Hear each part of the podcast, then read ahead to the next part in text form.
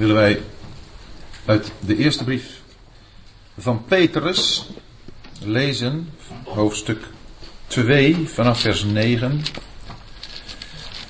tot hoofdstuk 3 vers 9.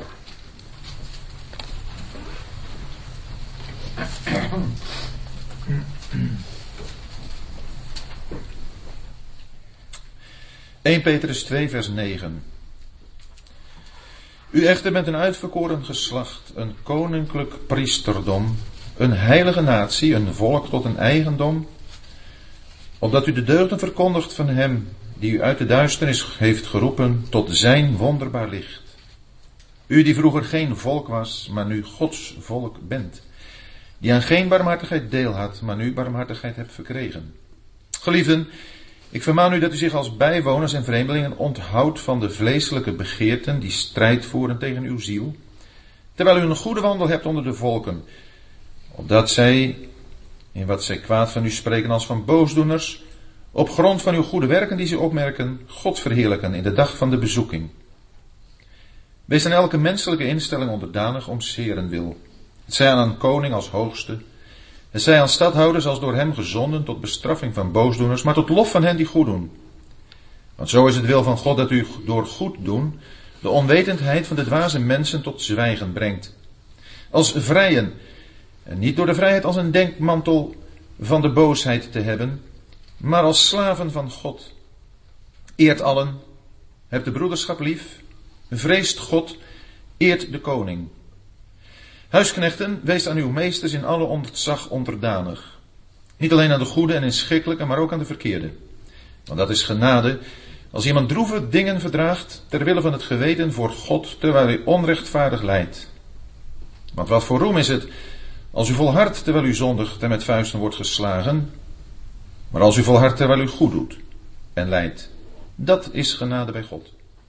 Want hiertoe bent u geroepen, omdat ook Christus voor u geleden en u een voorbeeld nagelaten heeft, opdat u zijn voetstappen navolgt. Hij die geen zonde heeft gedaan en geen bedrog werd in zijn mond gevonden, die als hij uitgescholden werd, niet terugschold, als hij leed, niet dreigde, maar zich overgaf aan hem die rechtvaardig oordeelt, die zelf onze zonden in zijn lichaam heeft gedragen op het hout, opdat wij voor de zonden afgestorven, voor de gerechtigheid leven. Door zijn striemen bent u gezond geworden. Want u dwaalde als schapen, maar bent nu teruggekeerd tot de herder en opziener van uw zielen. Evenzo, vrouwen, wees aan uw eigen mannen onderdanig, opdat, ook als sommigen ongehoorzaam zijn aan het woord, zij door de wandel van hun vrouwen zonder woord gewonnen worden, wanneer zij uw kuise wandel in vrees hebben opgemerkt. Laat uw versiering niet de uiterlijke zijn, het vlechten van het haar en het omhangen van gouden dingen of het aantrekken van kleren, maar de verborgen mens van het hart, in de onvergankelijke versiering van de zachtmoedige en stille geest die kostbaar is voor God. Want zo versierden zich vroeger ook de heilige vrouwen die hun hoop op God stelden, terwijl zij aan hun eigen mannen onderdanig waren. Zoals Sarah Abraham gehoorzaamde en hem Heer noemde. En haar kinderen bent u geworden als u goed doet en geen enkele verschrikking vreest.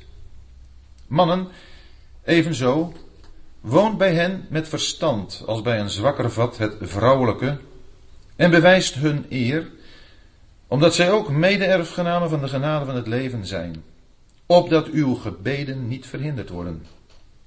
En tenslotte, wees allen eensgezind, medelijdend, vol broederlijke liefde, welgezind, nederig, en vergeld niet kwaad met kwaad of schelden met schelden, maar zegend in tegendeel, omdat u ertoe geroepen bent zegen te beërven.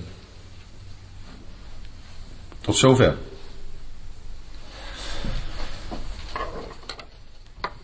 Wij eh, komen het heiligdom weer uit en wij kijken de wereld in. We zijn een volk, geroepen uit de duisternis, gebracht in Gods wonderbaar licht. Vroeger waren we geen volk. En nu zijn het geworden door de barmhartigheid van God. Wij zijn een koninklijk priesterdom. We hebben voor de pauze met elkaar nagedacht over het heilige priesterdom, wat dat betekent. Maar we zijn ook een koninklijk priesterdom. Dat zijn ook de twee priesterschappen, als u dat zo mag zeggen, van de Heer Jezus. De Heer Jezus is enerzijds priester naar de orde van Aaron. En dat heeft te maken met zijn hoge priesterschap in de hemel. Met het oog op ons die hier nog op aarde zijn. Om ons te helpen. Maar ook om ons voor te gaan in die aanbidding.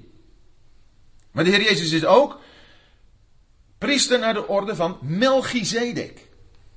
En als de ware Melchizedek vinden we hem in Genesis uh, eh, 11 of 12. Die Abraham tegemoet gaat als deze terugkomt van het verslaan van de koningen van Sodom. En hij komt hem tegemoet met brood en wijn, met zegen. Wel, en die, eh, die uitoefening van dit priesterschap van Melchizedek, die heeft te maken met zegen voor de wereld. Zegen voor een volk op aarde. Zoals dat straks in het duizendjarig vrederijk in zijn algemeenheid beleefd zal worden. Met die, uh, diezelfde zegen, daar zijn wij mee geëindigd.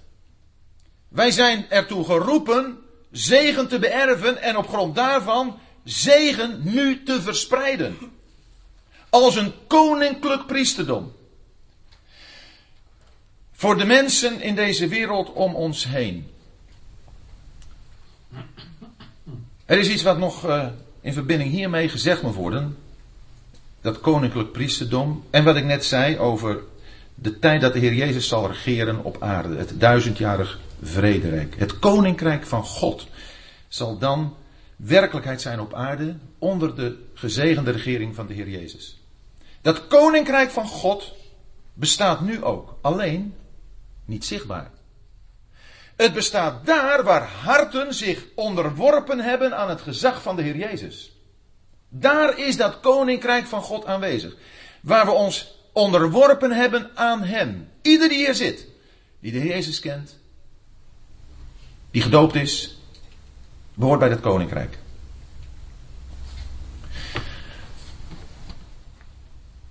Het is een koninkrijk wat nog niet zichtbaar is. Het is zelfs zo dat waar wij tot dat koninkrijk mogen behoren, we in deze wereld helemaal niet geaccepteerd worden. Waar dit koninkrijk, wat ons betreft, met lijden gepaard gaat. Petrus schrijft in bijna elk hoofdstuk over het lijden dat over de gelovigen komt. Dat hoort erbij, broeders en zusters. Als wij niet op de een of andere manier lijden ervaren, pijn ervaren van ons zijn in deze wereld, van ons gaan door deze wereld, dan mag je je afvragen van hoe zit het met onze geloofsuiting, met ons geloofsbeleven. Want het kan niet anders dan dat dat in deze wereld beantwoord wordt met smaad en verwerping. Maar dat moet ons niet bang maken. Wij weten waar het naartoe gaat. Wij weten de uitkomst. We weten dat straks we met de Heer Jezus zegen zullen beërven. Maar die zegen die wil Hij nu al in overvloed in onze harten geven. Opdat we die gaan doorgeven. Straks mogen we koningen zijn. Nu al priesters. We mogen in, in uh, zeker opzicht ook al een koningschap vormen. Alleen dat kunnen we nog niet in praktijk brengen. Dat komt nog. Vandaar ook dat wij niets met uh, regeren te maken hebben. Maar dat wij een plaats van onderdanigheid innemen. En dat is nu precies waar het om gaat in het gedeelte wat ik gelezen heb. Dit koninklijk priesterdom wordt nu gekenmerkt door onderdanigheid op de verschillende terreinen waar wij ons bevinden. Ik heb gelezen over dat wij onderdanig moeten zijn aan de overheid. Dat wij onderdanig moeten zijn. Ik zal trouwens even gelijk het vers erbij noemen. In vers 13 Wees aan elke menselijke instelling onderdanig om zere wil. In vers 18. Huisknechten, wees aan uw meesters in alle ontzag onderdanig. Daar gaat het om de werkverhouding. In hoofdstuk 3, vers 1. Evenzo vrouwen, wees aan uw eigen mannen onderdanig. Daar gaat het om de huwelijksverhouding. Dat wil zeggen van uh, man en vrouw. En in vers 7, mannen evenzo. Heeft diezelfde onderdanigheid als onderwerp, want die evenzo slaat daarop terug. En betekent voor de man dat hij onderdanig is aan de instelling van het huwelijk. Dat hij wat het huwelijk betekent in praktijk brengt. En dat is dan tegelijkertijd het getuigenis wat wij in die verschillende, op die verschillende terreinen afleggen. En Petrus schrijft erover in, we hebben dat gelezen in vers 9, dat wij een uitverkoren geslacht zijn, een koninklijk priesterdom, een heilige natie, een volk tot een eigendom. En nu komt het. Opdat u de deugden verkondigt van hem, die u uit de duisternis heeft geroepen tot zijn wonderbaar licht. Kijk, daar gaat het om. Dat wij in deze wereld de deugden van God verkondigen. En wat zijn de deugden van God? Dat zijn zijn kenmerken, wie hij is, dat wij dat laten zien. En dat komt natuurlijk in volmaaktheid in het leven van de Heer Jezus tot uiting. En waar blijkt dat uit? Onderdanigheid.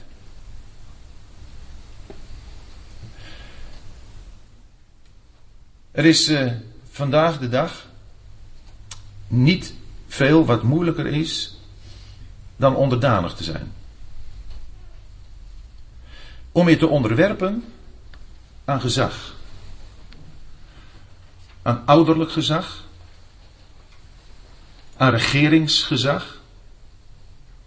Aan gemeentelijk gezag.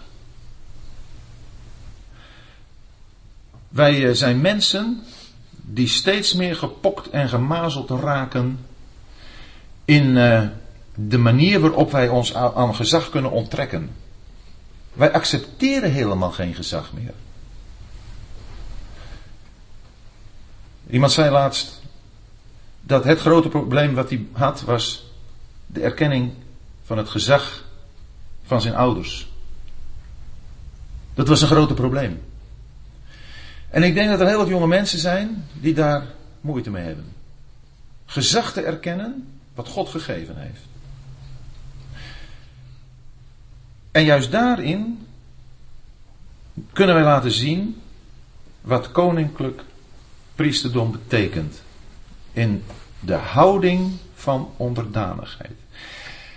Dus het wordt vanavond helemaal niet gemakkelijk. We kunnen ons misschien vanavond wel eens bijzonder ongemakkelijk gaan voelen.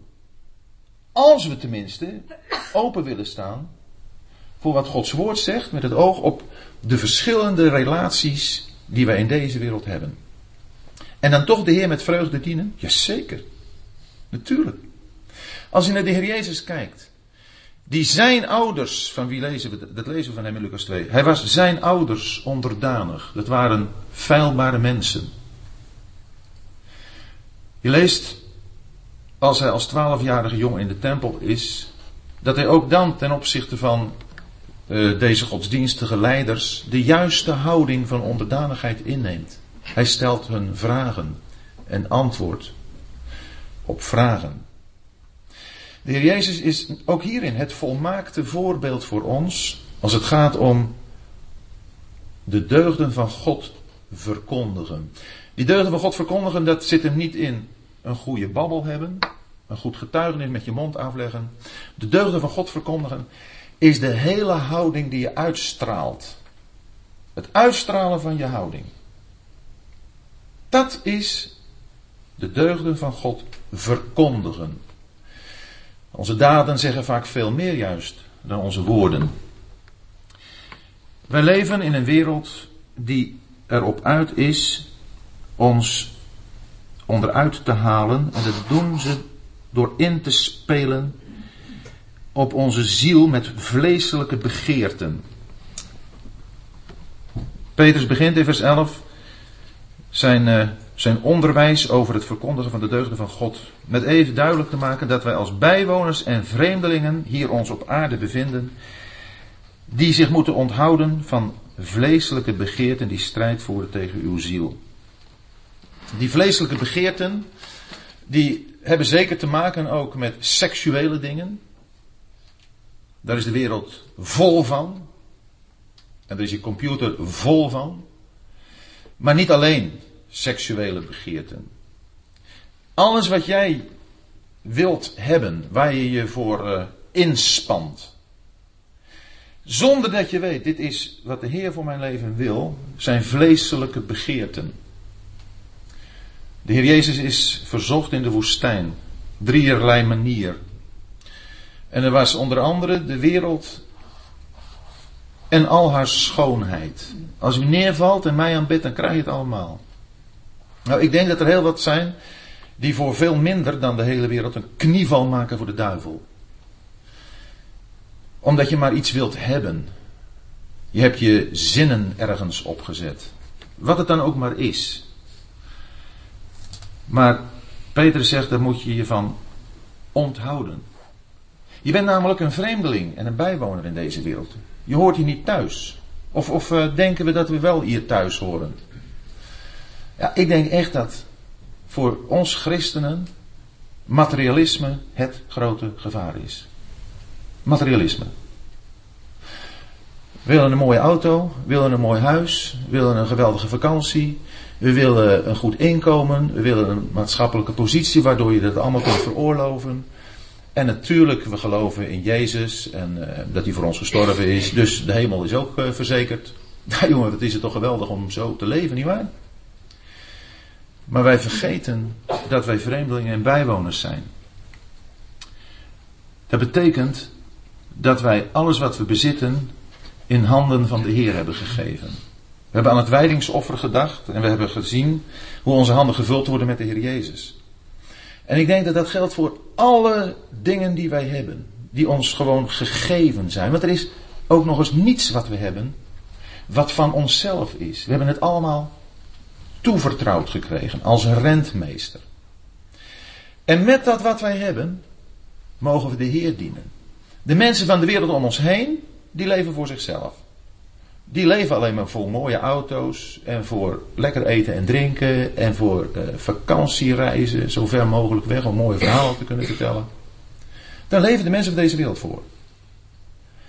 Wat ons betreft, als het goed is, gaat het er helemaal niet om. Ik zeg niet dat u nu eens een keer ver op vakantie mag gaan. Maar dan zal dat ook iets zijn wat met de Heer besproken is en waar de Heer een bedoeling mee heeft.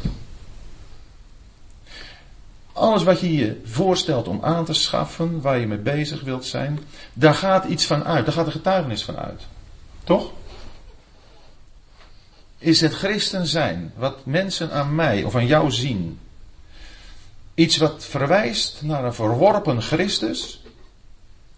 Of is het iets wat verwijst naar een, een heersende Christus? En dat we alvast een steltje zegeningen van straks zo lekker naar ons toe halen.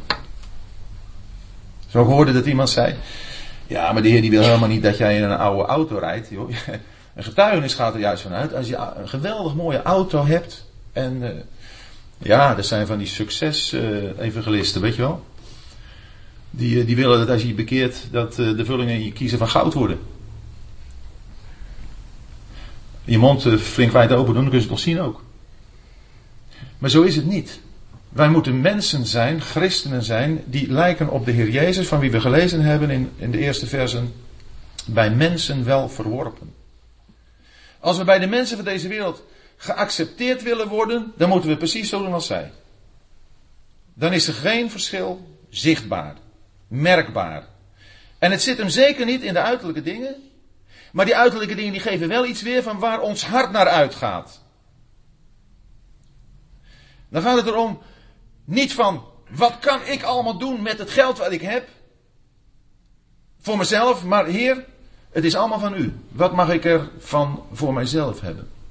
Vreemdelingen en bijwoners zijn, dat is iets wat steeds meer verdwijnt als een werkelijke, praktische christelijke beleving. En dan komen wij er ook helemaal niet toe om de deugden te verkondigen van Hem die ons uit de duisternis geroepen heeft tot zijn wonderbaar licht. Want we leven wat de praktijk betreft nog helemaal zoals de duisternis doet. Wij doen mee.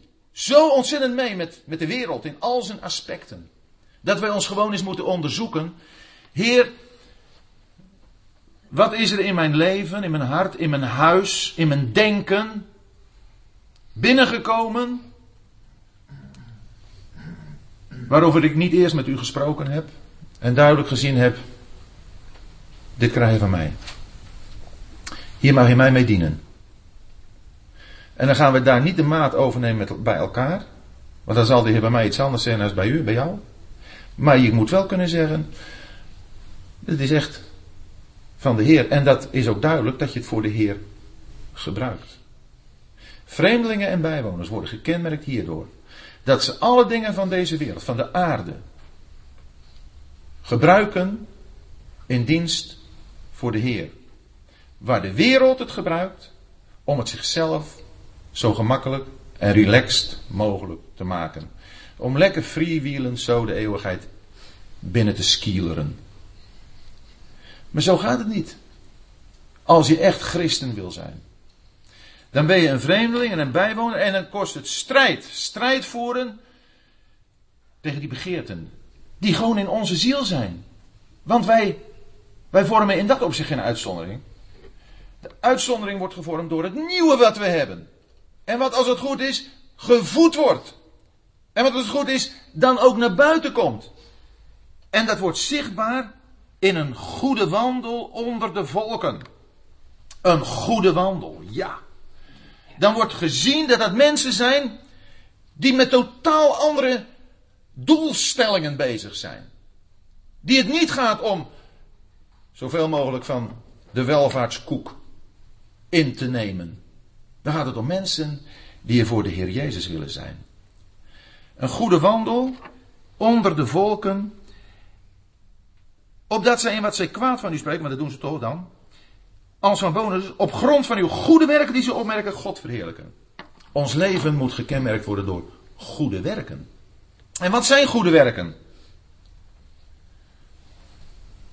Goede werken kunnen best wel eens werken zijn die in de, in de ogen van de wereld helemaal geen waardering oogsten. Als, als een van de kinderen van, van ook christelijke ouders hoor. Uh, een goede opleiding laten schieten om iets voor de Heer te gaan doen. Een goede baan aan zich voorbij laten gaan om iets voor de Heer te willen betekenen, ergens. Je zegt, joh, dat kan een goed werk zijn. Goede werken, daar hoort ook dit bij als je de Heer gaat aanbidden. Maria heeft de Heer gezalfd met een flesje kostbare nardus van een jaarloon en zelfs de discipelen bestonden er te zeggen: Wat een verkwisting. Wat een verkwisting. En de Heer zegt: Ze heeft een goed werk aan mij verricht. Dan gaat het niet alleen dat de wereld kwaad spreekt, maar zelfs heel veel gelovigen begrijpen niet iemand die een weg van volle toewijding aan de Heer gaat. Dan word je onbegrepen. Goede werken dat is een Abraham die zijn zoon Isaac offert. En dat is een Ragab die haar land verraadt. Jacobus 2. Dat zijn goede werken. Goede werken zoals God ze waardeert. De deugden van God komen hierin tot uiting. Dat, zoals Abraham zijn zoon Isaac op het altaar legt, dat wij alles op het altaar leggen wat wij voor kostbaar achten. Ook onze kinderen dat ze allemaal voor de Heer zijn. En dat wij landverraad plegen in de ogen van de wereld. Want als je met de wereld niet meedoet, dan pleeg je in hun ogen verraad. Dan zeggen ze ja, jij wil wel hier gebruik van maken en daar gebruik van maken. Maar eh, als het gaat om eh, bepaalde verantwoordelijkheden, dan ben je niet thuis. Nee, inderdaad. Dat kan dan landverraad genoemd worden. God noemt het een goed werk. Als je realiseert een bijwoner en vreemdeling te zijn, omdat je een vaderland in de hemel hebt. En een Heer die daar over jouw leven beslist. Toen er iemand uh, aan de deur kwam van een broeder, vertelde hij me, ook om, om een, uh, mee, te, mee te doen, financieel in een bepaalde actie. Toen zei die broeder, nou dan moet ik eerst even met mijn heer over praten. Ja, de man die daar aan de deur stond, ja, nou ja, een beetje hè, niet goed. Hebben ze daar verder over gepraat, maar ik dacht, kijk, ook als het gaat om iets aan een collect te geven bijvoorbeeld. Dan moet je daar met je Heer over praten. Je Heer die bepaalt wat jij moet doen. Wij zijn of veel te impulsief, of we zijn veel te afhoudend. Dat, dat we nergens meer oog voor hebben. Nee, het gaat erom dat je wat je doet bewust doet. Dat je de deugden verkondigt van Hem die je geroepen heeft. In deze wereld. En dan mag je goed doen aan alle mensen, maar het meest aan de huisgenoten van het geloof. Dan moet je keuzes maken. En door die, in die keuzes moet je je laten leiden door de Heer. Dan zullen de mensen, ondanks het feit dat ze veel dingen zeggen wat, uh, waarin ze kwaad van je spreken, op een bepaald moment moeten zeggen, en toch het was God die in hen werkte. Tot die erkentenis zullen ze een keer moeten komen. Elke knie zal zich buigen voor de Heer Jezus. En beleiden dat God de Vader. Tot, en hem beleiden tot heerlijkheid van God de Vader, Filippiërs 2. Dat is de algemene houding in deze wereld in vers 11 en 12. En in deze wereld hebben wij het dan te maken met menselijke instellingen. Koning, stadhouders, provinciale en gemeentelijke besturen. Daar hebben we mee te maken. En staat hier, daar moeten wij onderdanig aan zijn. Wij hebben geen enkele regeringsverantwoordelijkheid. Elke politieke inmenging is een verloochening van het vreemdelingschap. Oh, dat is ook zo'n punt waarvan men dan zegt, ja, moet luisteren, wel allerlei dingen uh, uh, die de regering heeft beslist van profiteren. En uh, anderzijds niet mee willen doen met, met de regering als daar een, een beroep voor op je gedaan wordt. Ja, dan moet je gewoon niet van onder de indruk komen, joh. Jij hebt nog niet gevraagd om bepaalde uh, wetgeving. Zijn wij werkelijk afhankelijk van de Heer? Weten we dat Hij voor ons zorgt? Oh, soms door middel van de regering, zeker. Maar er zijn talloze dingen waarvan de regering helemaal van Gods woord is afgeweken. En waardoor we met de regering in dat opzicht helemaal niet te maken kunnen hebben. Maar we moeten er wel onderworpen zijn, onderdanig zijn. Onderworpen staat er om zeren wil. Dat betekent ook tegelijkertijd de grens. Want zodra de regering iets vraagt wat tegen de wil van de Heer ingaat, zullen we nee moeten zeggen. Dan moeten we God meer gehoorzaam zijn dan mensen.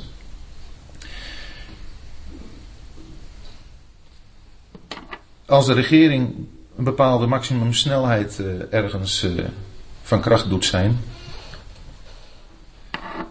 dan worden wij geacht ons daaraan te houden. En of je dat nou uh, leuk vindt of niet leuk vindt. Kijk, ik ben ook jong geweest. Dus jongeren mogen best even wat gniffelen. Maar het feit blijft er wel.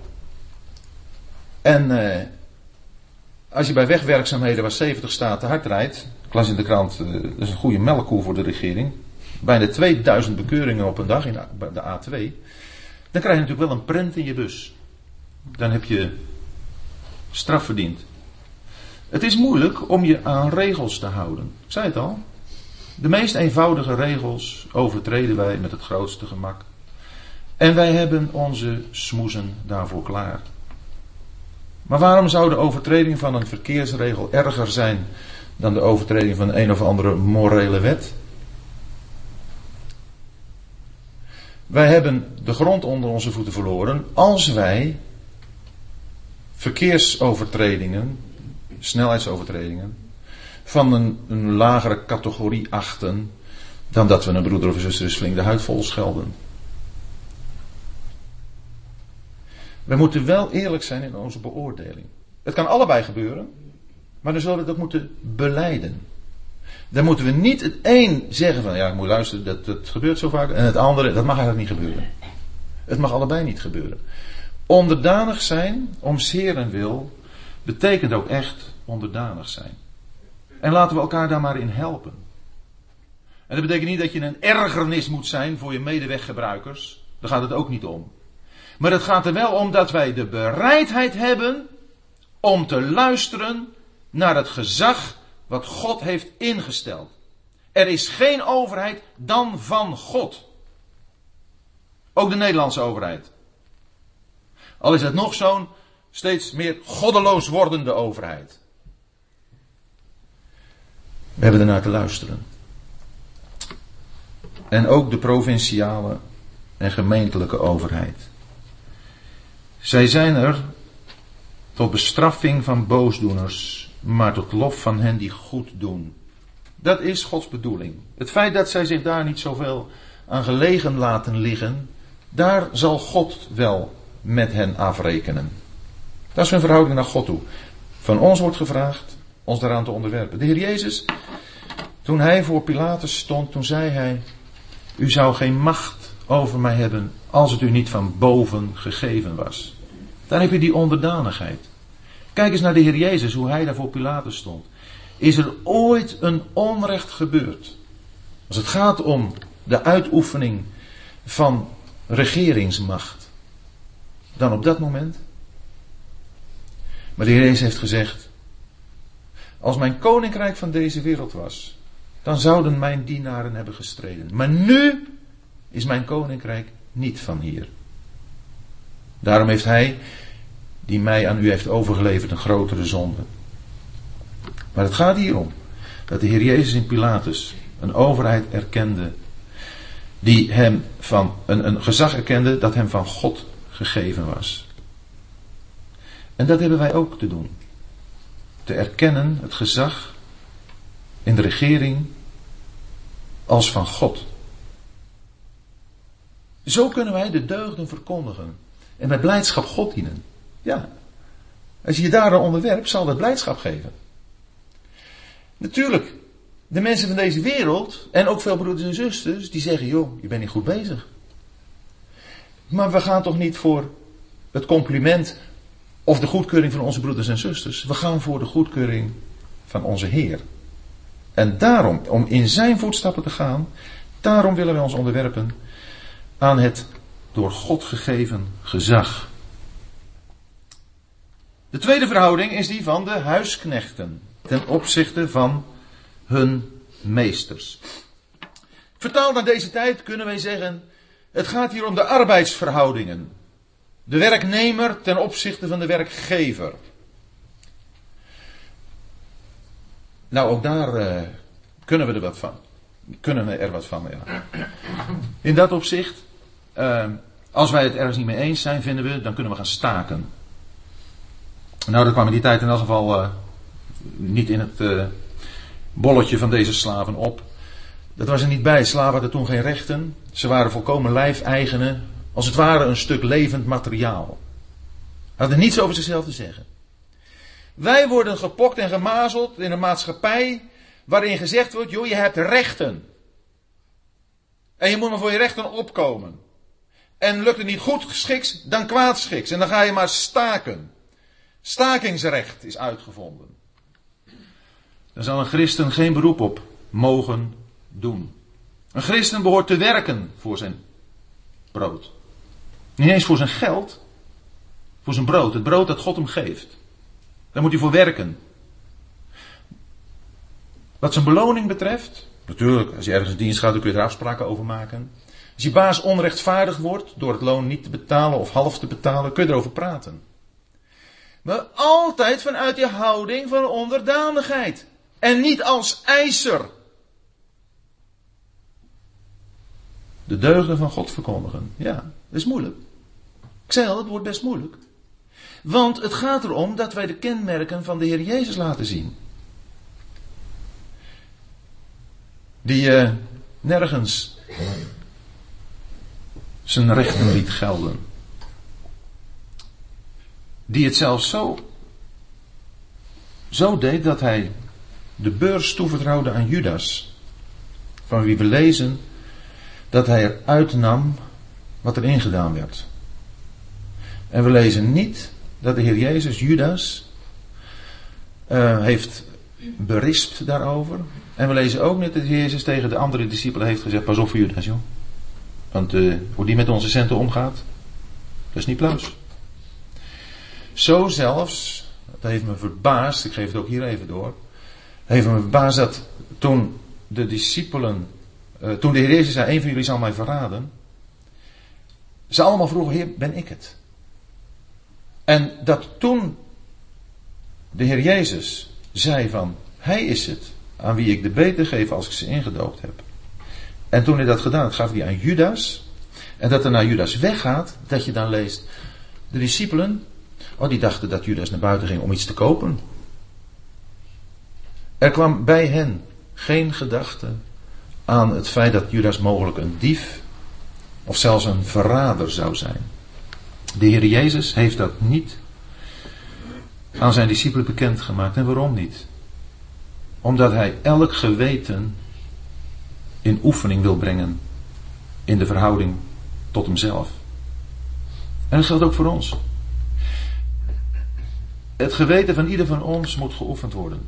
Mijn geweten kan voor niemand van jullie geoefend worden en jullie geweten niet voor het mijne.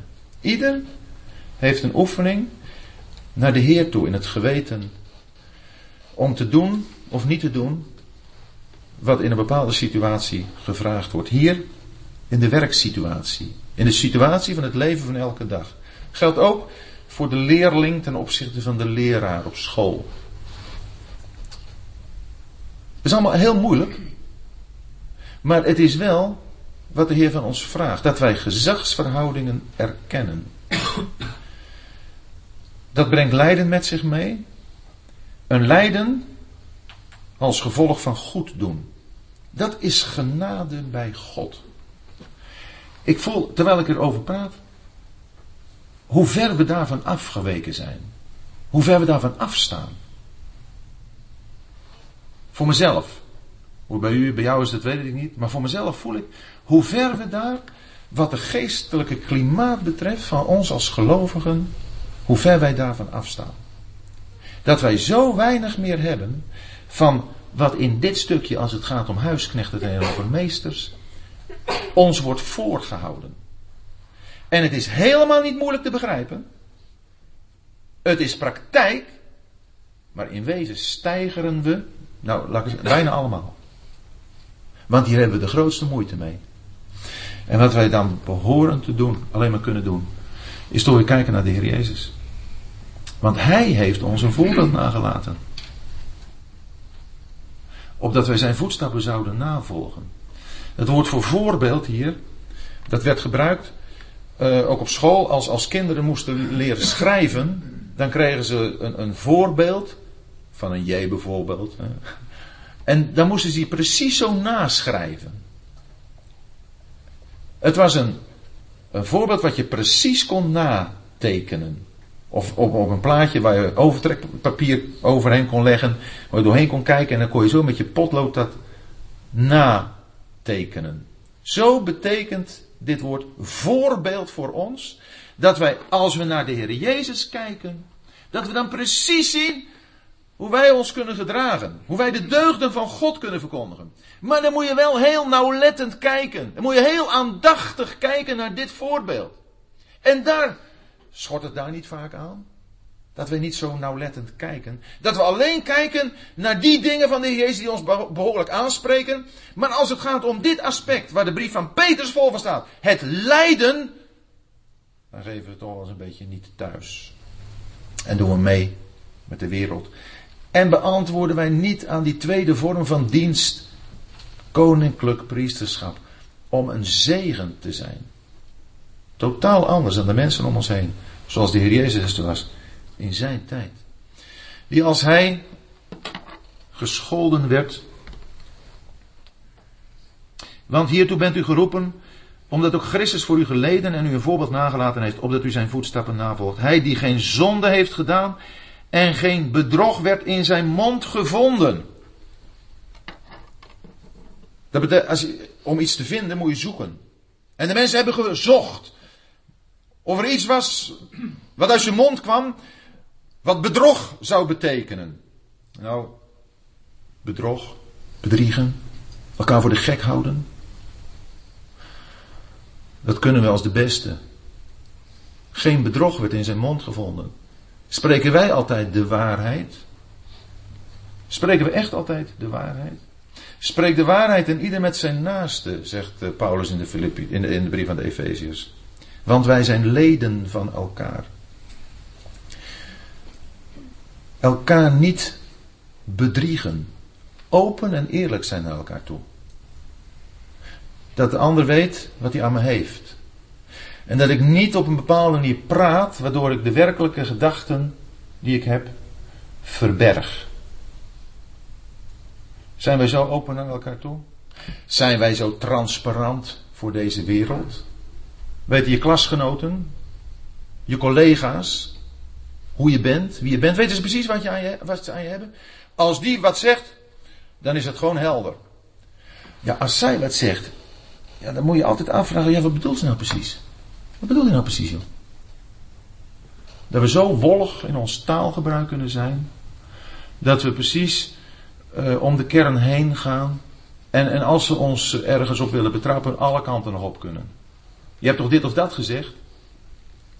En dat je dan, nee. En dan kun je er helemaal onderuit. Dat is het politieke gekwets, ge, ge, gekwezel, geklets, politiek noemen ze dat. Dan zeg je dingen zonder dingen te zeggen. Waar je op uh, aangesproken kunt worden. Geen bedrog werd in zijn mond gevonden. Eerlijk. Die als hij uitgescholden werd niet terugschold. En als hij leed niet dreigde. Het zijn allemaal dingen die, die staan er heel helder. En we kunnen daar met elkaar wat over nadenken. Maar het is toch ook zo duidelijk dat u en ik dat in praktijk moeten gaan brengen. Als we met lijden te maken, als mensen ons lijden aandoen, dan toch niet een of andere actie verzinnen waardoor we de ander eens goed betaald kunnen zetten. Even kunnen terugbetalen wat hij ons gedaan heeft. Die vergeldingsdrang. Of dat nu in schelden is of in dreigen. Maar die vergeldingsdrang die kan er zo uitkomen. En wat zien we dan bij de Heer Jezus? We zien bij hem die overgave aan hem die rechtvaardig oordeelt. De deugden verkondigen en de Heer dienen met blijdschap, dat zit hierin. Dat wij vertrouwen hebben in een Vader die al dat onrecht precies kent. Die precies weet wat er allemaal in jou en in mijn leven gebeurt. Of gebeurd is. Wat iemand mij ook aan pijn heeft gedaan. Hoe ik ook onrechtvaardig behandeld ben. Wat een leugens ze over me verspreiden. Waarvan ik allemaal beticht word wat niet waar is. Om daar niet zo op te reageren van pas maar op, straks, dan zal wel. Maar het overgeven van hem die rechtvaardig wordt, het komt allemaal een keer goed. Denk aan de toekomst. Denk aan de regering van de Heer Jezus op aarde. Komt allemaal een keer goed. Alleen wij zijn mensen die zo moeilijk kunnen wachten. Ook wat dat betreft. Moeilijk kunnen wachten op de tijd dat de vader alle dingen in de handen van de zoon zal geven. En de zoon zal regeren. En rechtvaardig zal regeren. En alles wat er aan onrecht ons is aangedaan, recht zal zetten. Het heeft te maken met geduld. Geduld was ook zo'n belangrijk uh, iets wat in het leven van de Heer Jezus zichtbaar werd. En dat hij kon opbrengen, nu zeg ik het toch misschien te menselijk, maar wat er bij hem aanwezig was, vanwege het feit dat hij alles in de handen van zijn vader gaf. En ik denk, broeders en zusters, jonge mensen, dat dat een van de geheimen is om de deugden van God te kunnen verkondigen. Dat wij leren alles leggen in de handen van de Vader. Dat hoe moeilijk ons leven ook kan zijn, wij het vertrouwen in Hem nooit opzeggen. Nooit. Ook als er dingen in ons leven gebeuren en blijven bestaan maar.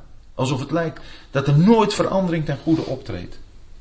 Dat je toch weet, het is in zijn hand.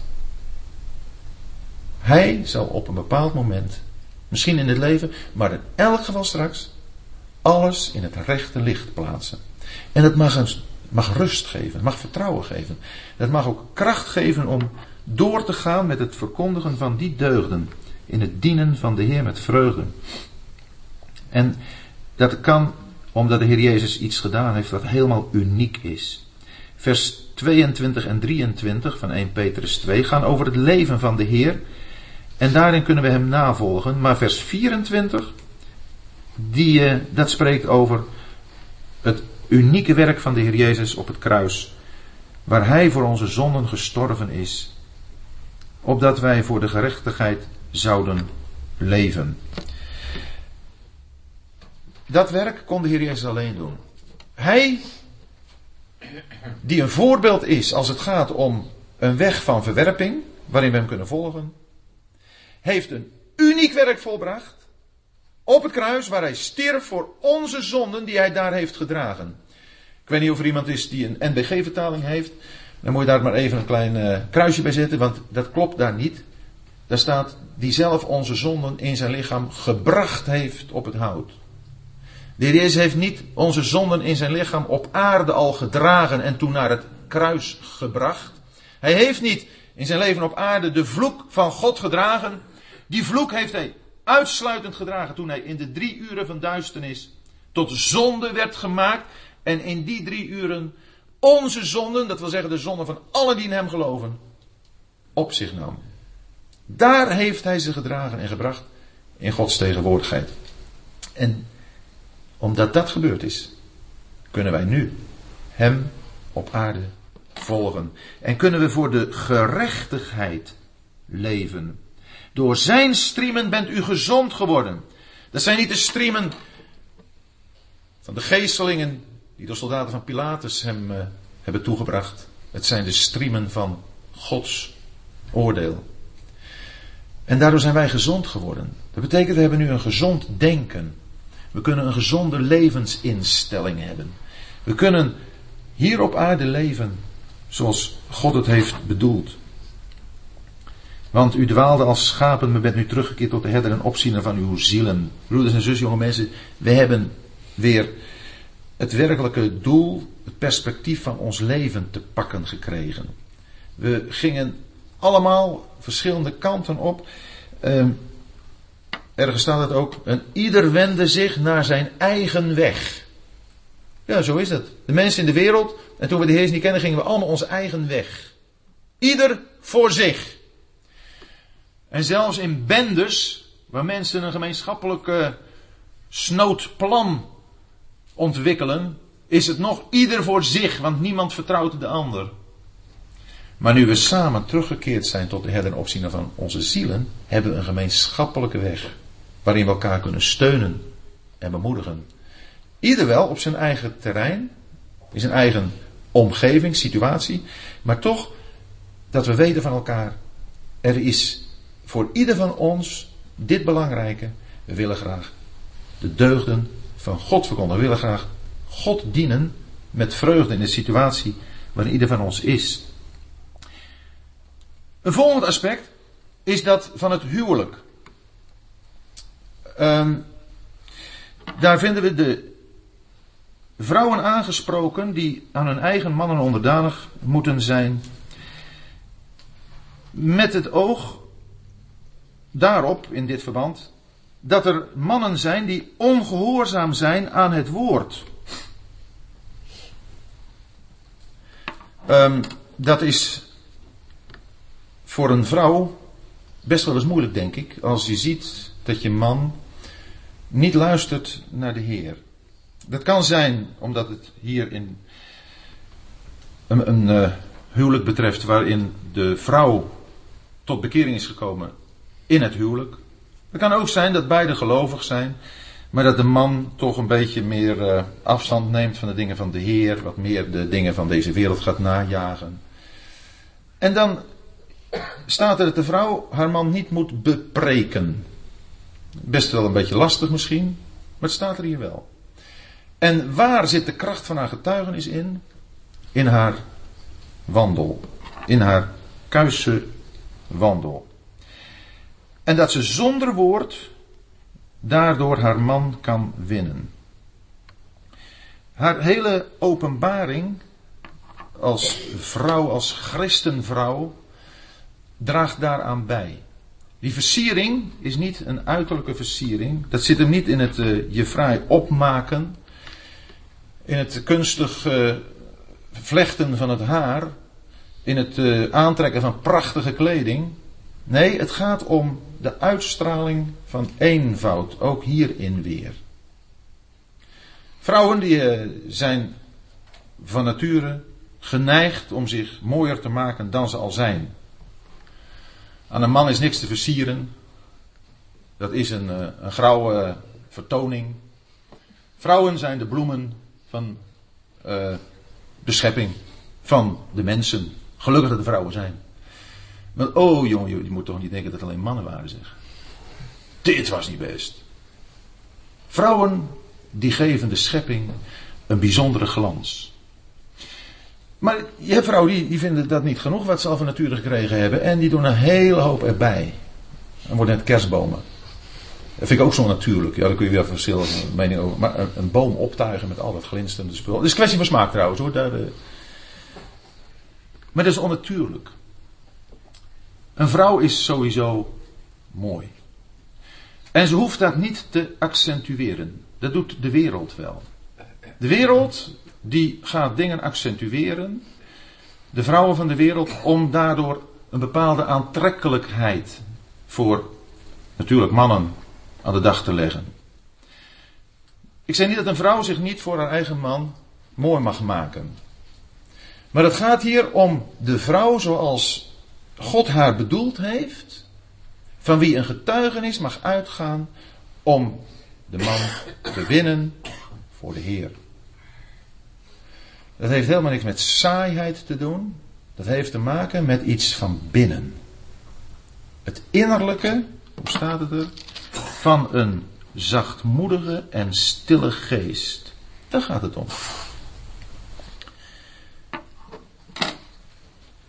In de wereld en ook onder de gelovigen zijn degenen die het best kunnen praten het meest in trek. Als je maar een vlotte babbel hebt, als je maar gevat bent, dan, eh, dan mogen ze je wel. Zo gaat het trouwens ook weer over de politiek. Degene die een goede uitstraling heeft, een vlotte babbel, gevat is, joh, daar maak je het. Hè? Hoe kom je over? Dat zit hem in je hele uh, betoog dat je kunt houden. Dat is in de dingen van de Heer niet zo. En het is maar net de vraag, hoe beoordelen wij dat? Zijn wij ook al zo daarin afgestompt?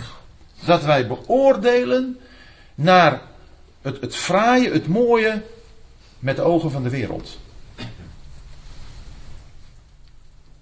Of weten wij nog te beoordelen met de beoordeling zoals God die heeft. Het verborgene van een zachtmoedige en stille geest. Zoals Sarah die haar man, die Abraham haar heer noemde. Dat betekent niet dat ze altijd meneer Abraham zei.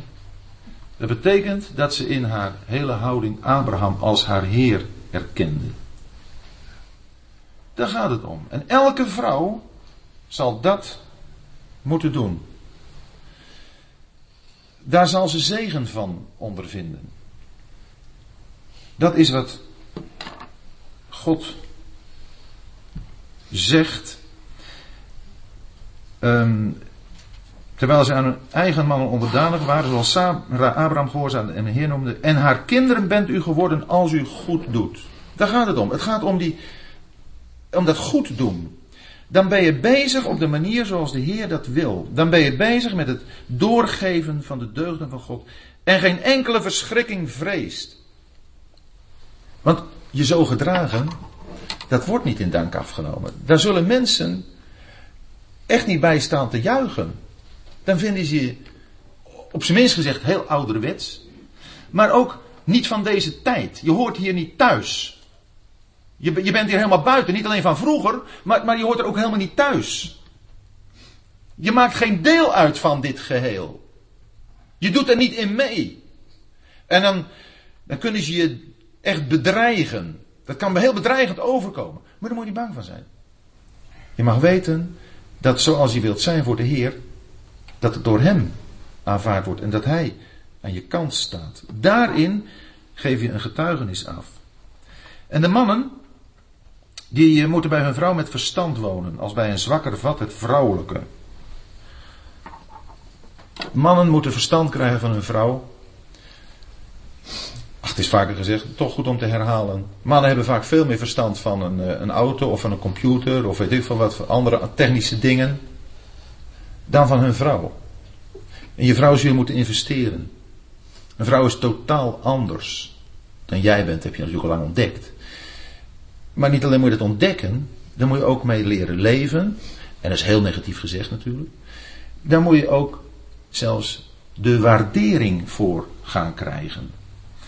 Dat de vrouw niet iemand is die een tegenpool van je is, die je het leven bij tijd en wijle best wel eens wat moeilijk maakt, maar iemand die jou niet alleen aanvult, maar in wie je een gemis wat je zelf hebt zo geweldig aangevuld vindt. Dat je denkt, jongen, wat is dit machtig mooi. Heer, ik prijs uw grote naam voor mijn vrouw. Die ik gekregen heb. Mannen wonen bij haar met verstand. Als bij een zwakkere vat. De vrouw is het zwakkere vat. Heeft een zwakker lichaam. Is vaak meer emotioneel aangelegd. En dan moeten wij mannen mee leren leven, mee leren omgaan, dat leren begrijpen, daarin ook hulp bieden. Heel praktisch, in de huishouding wel eens wat doen. Haar bijstaan. En bewijst hun eer. Prijs je vrouw maar eens. En doe dat maar eens regelmatig. Om wie ze is, om wat ze doet. Wat ze voor je betekent. Hoe ze je aanvult als stumper. Want de vrouw is gegeven als een hulp voor de man. Ja? Dat betekent dat de man een hulpeloos wezen is. Zonder zijn vrouw. En het is niet iets minderwaardigs. Het is iets heel waardevols. God wordt de hulp van zijn volk genoemd. Dus wat dat betreft is er voor de man uh, wel iets aan gelegen om met de ogen van het woord van God naar zijn vrouw te kijken. En dan zul je ook daarin zien, want de wereld neemt dat waar. De wereld neemt waar hoe wij in het huwelijk, in het gezin met elkaar omgaan. We leven wat dat betreft allemaal in een glazen huis. Dan uh, kan er best wel eens een keer een uh, flinke botsing zijn. Want al, een, huwelijk waar nooit eens een keer een botsing is, is een saai huwelijk. En dat is een erg huwelijk hoor. Dat is erg. Dat het saai is. Laat maar eens een keer flink botsen. Kun je ook weer verzoenen, dat is ook prachtig. Maar dan zul je zien hoe je naar elkaar toegroeit. En hoe er een steeds meer een eenheid ontstaat. Hoe daar waardering voor elkaar zal komen. En hoe dat eerbewijzen niet een vormelijk iets is, maar een van harte gemeend iets. En, zo lezen we dan verder.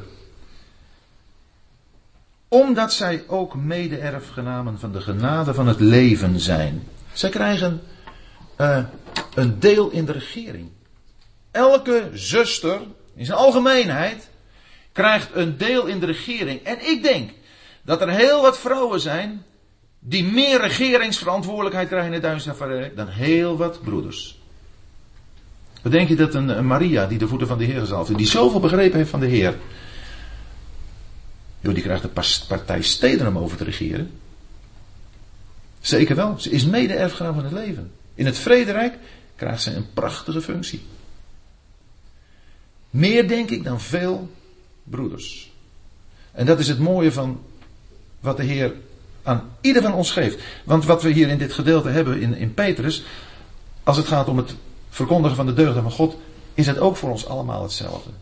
Wel ieder in de eigen situatie, ook op de eigen plek, maar we mogen allemaal meewerken aan dat koninklijk priesterdom, aan het uiting geven, het verkondigen van de deugden van God. En besluit Petrus dit uh, stukje, opdat uw gebeden niet verhinderd worden. Het bidden. Dat moeten man en vrouw samen doen. Als er zijn die uh, verkering hebben, dat moet je doen. Moet je direct mee beginnen. Zodra je bij elkaar bent, bid je eerst. Bidden, dat is iets uh, machtigs, wat je bewaart en wat je samen sterk maakt. De familie, in het Engels klinkt dat zo mooi uh, maar de familie die samen bidt, die zal ook samen blijven staan. Daar blijf je staan, samen bidden. En uh, de verhindering van die gebeden, dat kunnen we niet hebben. De duivel is natuurlijk op uit om gebeden te verhinderen. Het gebed is het allerbelangrijkste wat wij als wapen hier op aarde hebben. En ook zoiets wat zo snel wordt nagelaten. En dan tenslotte, weest allen eensgezind. Broeders en zusters, jonge mensen, eensgezind. Samen één en hetzelfde verlangen hebben. Daar gaat het om. En medelijdend. Nou, dat mag best wel eens even onderstreept worden. Medelijdend. Met elkaar. Want oh, wat kunnen we hard zijn voor elkaar. En we kunnen de situaties precies zo inschatten. En uh, zeggen, nou, daar ligt de fout. Of, of, daar is het wel verkeerd gegaan. Als ze mijn zus of zo hadden gedaan. Medelijdend moeten we leren. Maar ook medelijdend voor zoveel mensen in deze wereld. Is er medelijden? Niet dat je dat allemaal kunt oplossen. Zeker niet. Wij kunnen niet alle nood en alle ellende oplossen. Maar dat medelijden, is dat er nog? Medelijden, dat wordt steeds meer verstikt. En uh, ik heb het de laatste keer op een, een jeugddag gezegd, omdat het me heel erg heeft aangesproken in verbinding met openbaring 9. Waar die monsters uit de afgrond ziet komen, geharnast en al. En ik heb er toen voor mezelf gedacht, ja dat, dat is het hè. De gevoelens worden steeds harder. En hoe komt dat? Onder andere door die gevoelloze computerspelletjes. Waar monsters en draken eh, voorkomen en waar, waar anderen worden afgeslacht, waar eh, alleen maar punten tellen en levels. En enig idee van de werkelijkheid van het leven, als je daar helemaal ingeeft, verdwijnt. En dan niet alleen,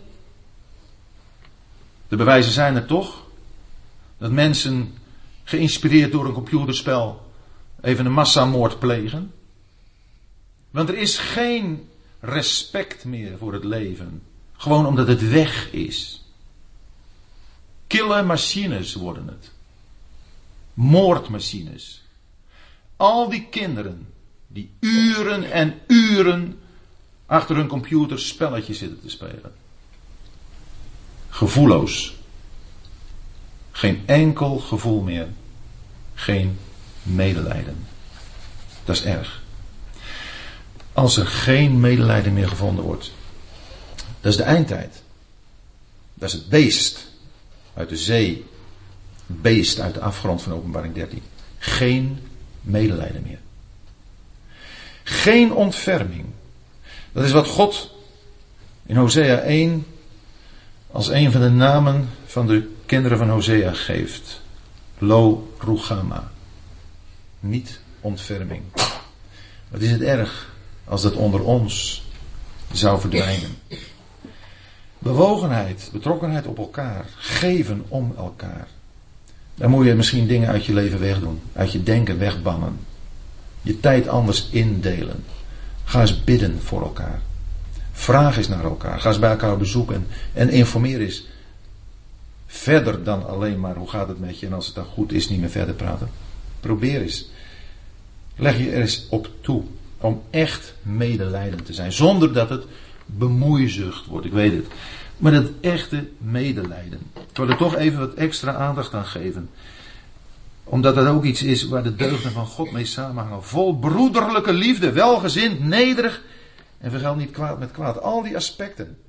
Vol broederlijke liefde. Kijk, als je vol broederlijke liefde bent, dan is er geen ruimte meer voor iets anders. Niet meer voor boosheid, niet meer voor haat, voor huichelarij, voor bedrog. Vol broederlijke liefde. Broeders en zusters, dan hebben we elkaar lief en dan gaan we voor elkaar door het vuur. En dan willen wij voor elkaar zijn. Zijn we vol broederlijke liefde? Ten slotte. Het is in Gods hart dat wij dat voor elkaar zouden hebben. En daarmee iets van die deugden zouden voorkomen. Niet kwaad met kwaad of schelden met schelden, maar zegen, dit tegendeel. Een zegen te zijn. Wat, wat hunkeren ook veel gelovigen. Naar een zegen. En een zegen betekent niet dat je iemand de handen oplegt en een bepaalde spreuk daarover doet. Zegenen betekent iemand het goede toewensen. Echt iemand geluk wensen. Iemand helpen om dat ook te realiseren, te vinden. En dat is zomaar eens helemaal bij iemand zijn, iemand aanhoren, met iemand iets delen. Echt delen. Niet alleen maar absorberen als een soort van, nou vertel het maar hoor. Nee, delen. Want anders dan bestaat er ook niet die gezonde broederlijke verhouding. Dan is het meer hulpverlener en, uh, en probleem. Het gaat erom dat wij vol broederlijke liefde zijn naar elkaar toe. En dat we die zegen zo mogen delen, uitdelen, omdat u ertoe geroepen bent zegen te beërven. Dat is waar we geroepen zijn. Nou, als we nou zoiets voor ons uh, als perspectief hebben, dan, dan gaan we naartoe. Dat krijgen we. Zouden we dat dan niet in ons leven ook wat uit willen werken? Het is wat Peters hier gezegd heeft, niet moeilijk te begrijpen, wel moeilijk in praktijk te brengen. Daarvoor hebben we de hulp van de Heer nodig en daarvoor hebben we ook elkaar nodig. En laten we elkaar daarin tot een hand en een voet zijn. Elkaar bemoedigen. Niet als er iemand eens een keer de fout in gaat, gelijk zeggen, je wel, als je het maar geluisterd hebt of zo, weet je wel. Het gaat erom dat we elkaar bemoedigen. Juist als iemand eens een keer de fout in gaat. Kom joh, er weer bij. Ik ben precies zo. Dat het met mij niet gebeurd is. Um, Gods genade joh. Kom op er weer bij. Zo met elkaar bezig zijn. Zo op elkaar betrokken zijn. Zo elkaar ondersteunen. Dan zijn we tot een zegen voor elkaar. Dan gaan we iets van de deugden van God laten zien. Ook in deze wereld. Waarin hardvochtigheid boventoon voert. Het eigenbelang, het ik. Onder de gelovigen mag dat heel anders zijn. Daar mag de warmte en de liefde van God en van de Heer Jezus gevonden worden. Wat een zegen.